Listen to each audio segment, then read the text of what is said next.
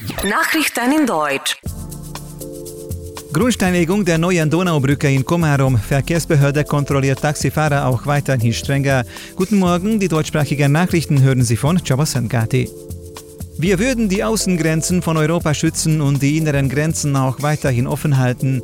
Die neue Brücke über die Donau in Komarum ist auch ein Symbol dafür, sagte der ungarische Ministerpräsident. Viktor Orban fügte bei der feierlichen Grundsteinlegung hinzu, der Bau der neuen Brücke stelle unter Beweis, dass die Menschen in der Slowakei und in Ungarn als EU-Bürger an einem frei durchfahrbaren Europa glauben.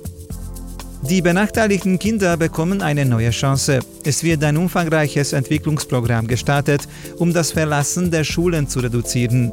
Im Rahmen der Initiative werden die betroffenen Kindergärten und Schulen modernisiert, aber auch die bedürftigen Schüler bekommen Hilfe. Zur Verwirklichung des Projekts stehen 13 Milliarden Forint EU-Fördergelder zur Verfügung. Der Oktobersommer dauert noch bis zum Freitag. Auch weiterhin scheint ungestört die Sonne. Die Höchsttemperaturen können sogar 25 Grad in bestimmten Regionen des Landes erreichen. In Budapest wurde mittlerweile der Wärmerekord gebrochen, weil das Temperatur auch in den kältesten Stunden nicht unter 15 Grad ging. Der höchste Tiefstwert war bis jetzt 14,5 Grad. Dies wurde am 17. Oktober 1953 in Komaroerdő registriert. Wie es mit dem Wetter bei uns weitergeht, erfahren Sie am Ende der Nachrichten. Die Taxibetrüger könnten Sorgen haben. Die Verkehrsbehörde hat im Sommer über 1200 Fahrer kontrolliert und 100 von ihnen wurden auf frischer Tat ertappt. Entweder war die Rechnung hoch oder die Zulassung für Personenbeförderung fehlte. Das Kennzeichen von elf Fahrzeugen wurde sofort entzogen.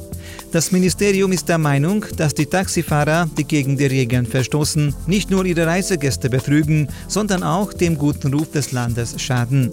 Deswegen können sie auch in der Zukunft mit strengeren Kontrollen rechnen. Die ungarischen Firmen stellen immer mehr Saisonarbeiter an. Zudem werden die meisten Arbeitnehmer gesetzmäßig beim Finanzamt angemeldet. Informationen zufolge trafen im ersten Halbjahr 600.000 solche Anmeldungen an. Vor zwei Jahren war diese Zahl um 110.000 weniger. Mit österreichischer Beteiligung entsteht in Ungarn eine Forschungsstelle, die sich mit neuen Wegen in der Produktion auseinandersetzt. Das Center of Excellence in Production Informations and Control, kurz EPIC, wird mit insgesamt 21,7 Millionen Euro über sieben Jahre hinweg finanziert und soll Industrieunternehmen bei den Herausforderungen der Digitalisierung unterstützen.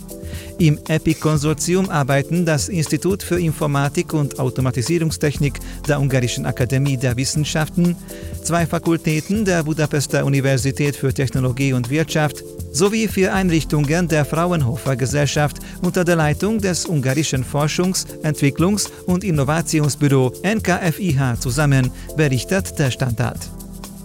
Das Leben in Deutschland ist auch im September teurer geworden. Vor allem höhere Preise für Nahrungsmittel 3,6 Prozent und Energie 2,7 Prozent trieben die Inflation im Vergleich zum Vorjahresmonat auf insgesamt 1,8 Prozent, wie das Statistische Bundesamt mitteilte. Damit bestätigte die Behörde in Wiesbaden vorläufige Zahlen. Die Europäische Zentralbank strebt mittelfristig für die 19 Staaten mit Euro-Gemeinschaftswährung ein stabiles Preisniveau bei einer Teuerung knapp unter 2% an. Und jetzt zum Wetter.